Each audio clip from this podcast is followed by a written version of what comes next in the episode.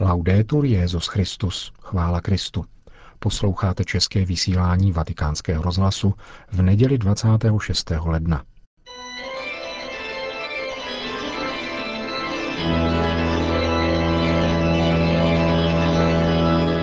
Církev a svět, náš nedělní komentář, napsal Vittorio Messori.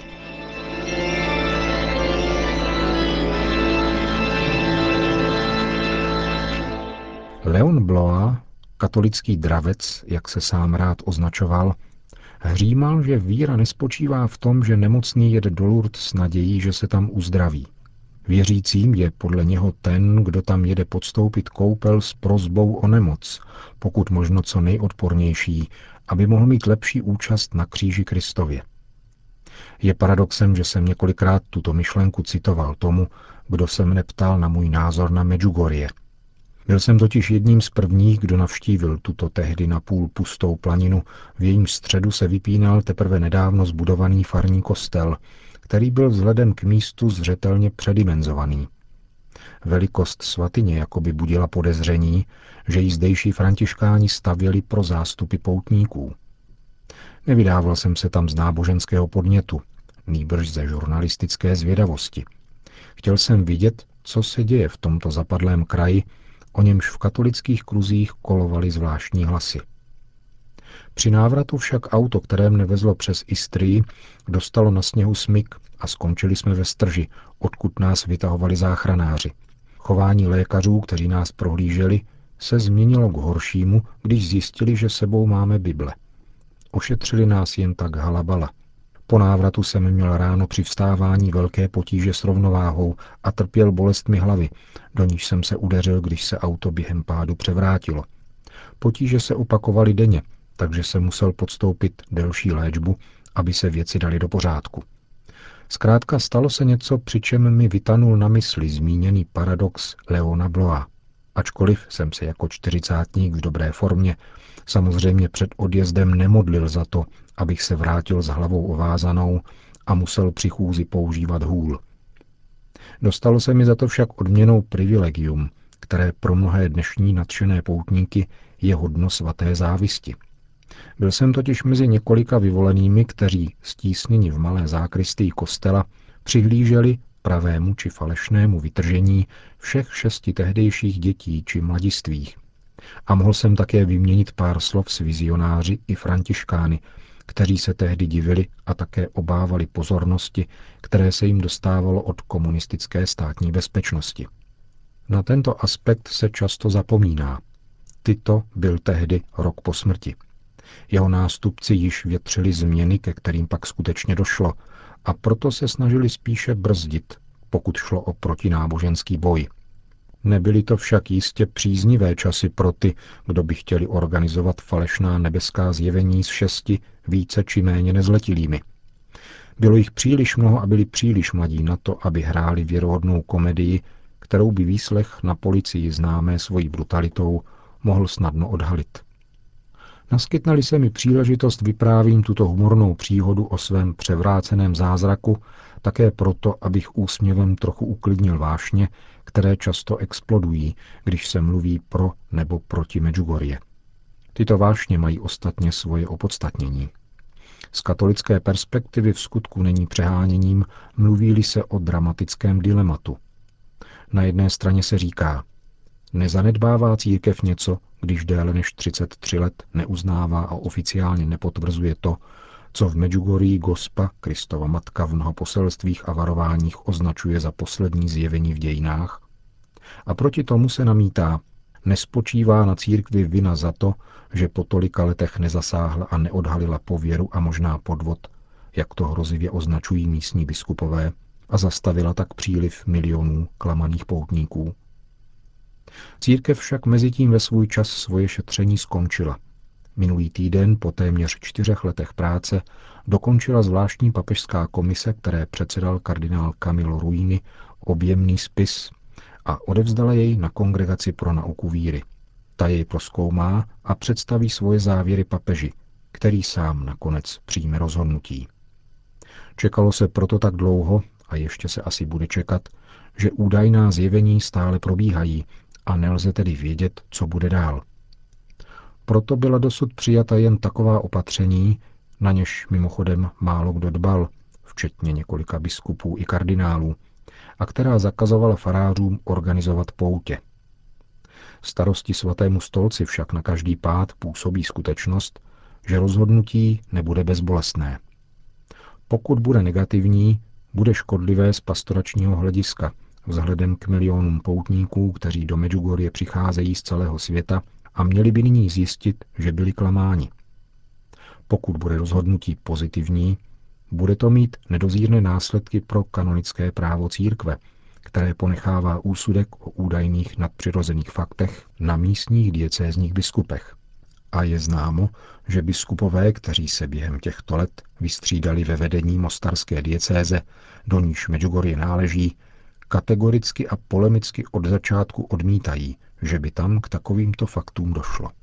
Kdyby nyní svatý stolec vynesl opačný úsudek, mělo by to jistě vážné následky. Lze se domnívat, že výsledná formulace bude znít non constat de supernaturalitate, tedy že prozatím není konstatována nadpřirozenost faktů.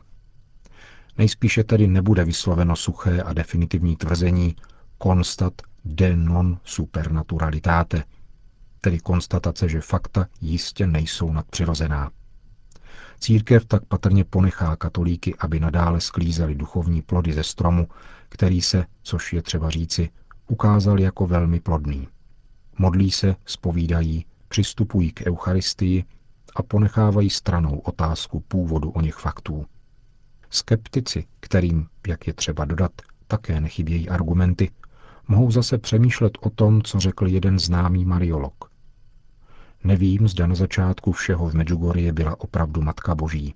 Tvrdím však při pohledu na zástupy zbožných lidí, kteří se tam k ní obracejí a ctíjí, že v tom, co vidím, ona nemůže nebýt.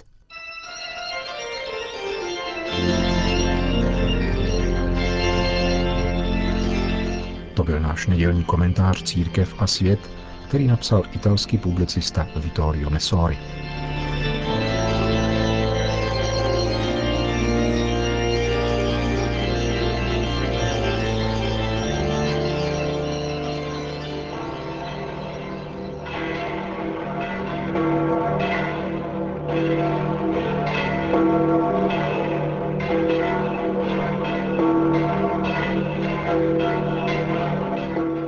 Náměstí svatého Petra si dnes v poledne přišlo vyslechnout promluvu papeže Františka asi 50 tisíc lidí.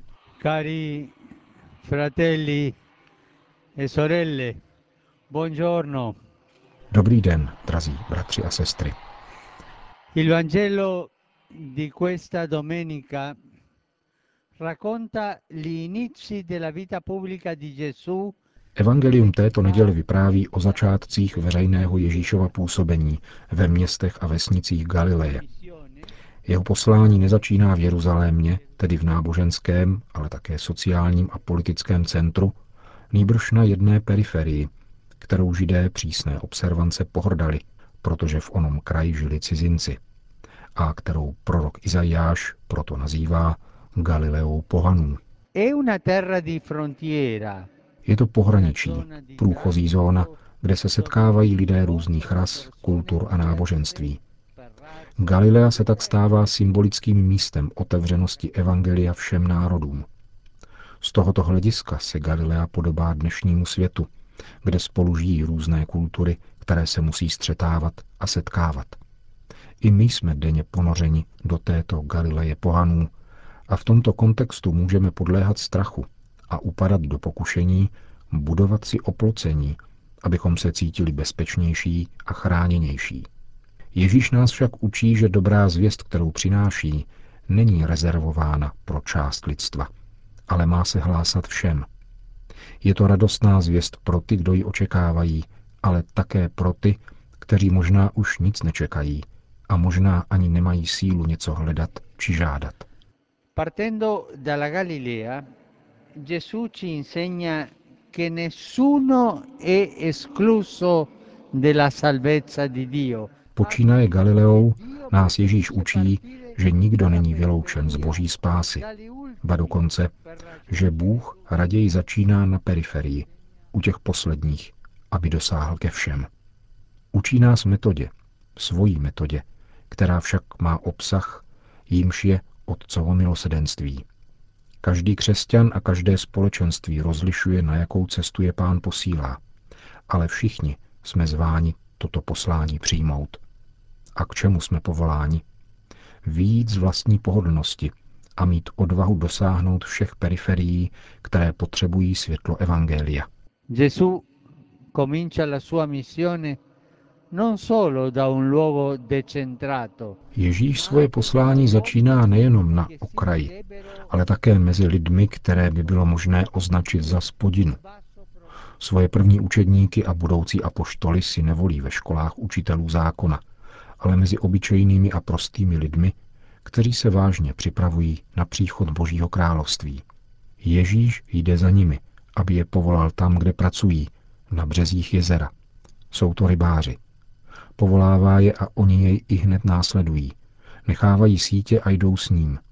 Jejich život se stává mimořádným a podmanivým dobrodružstvím.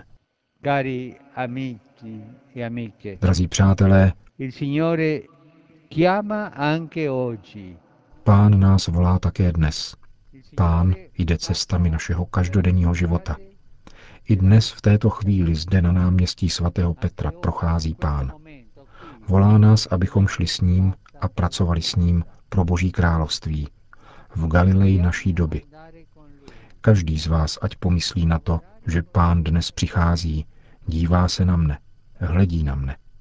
Co mi říká Pán? Uslyší-li někdo z vás Pána, jak mu říká, následuj mne, ať se odváží vykročit za ním.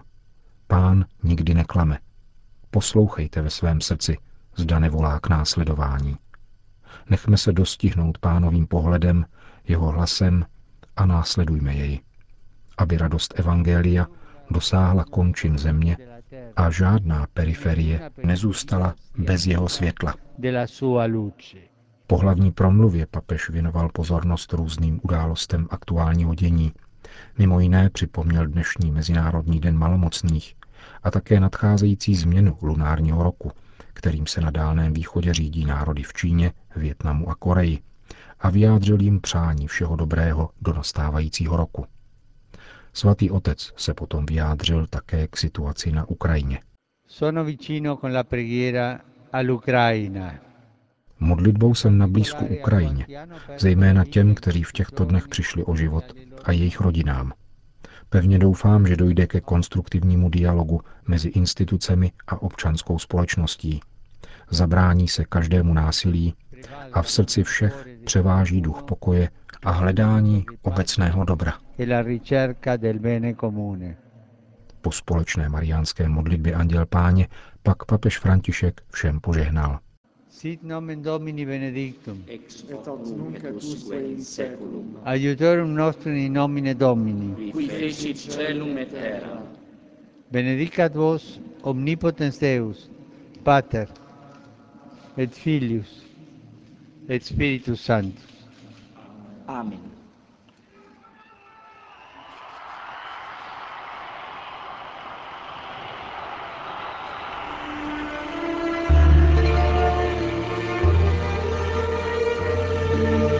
Končíme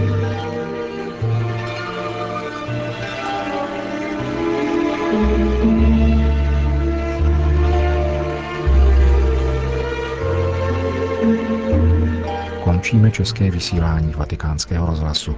Chvála Kristu. Laudetur Jezus Christus.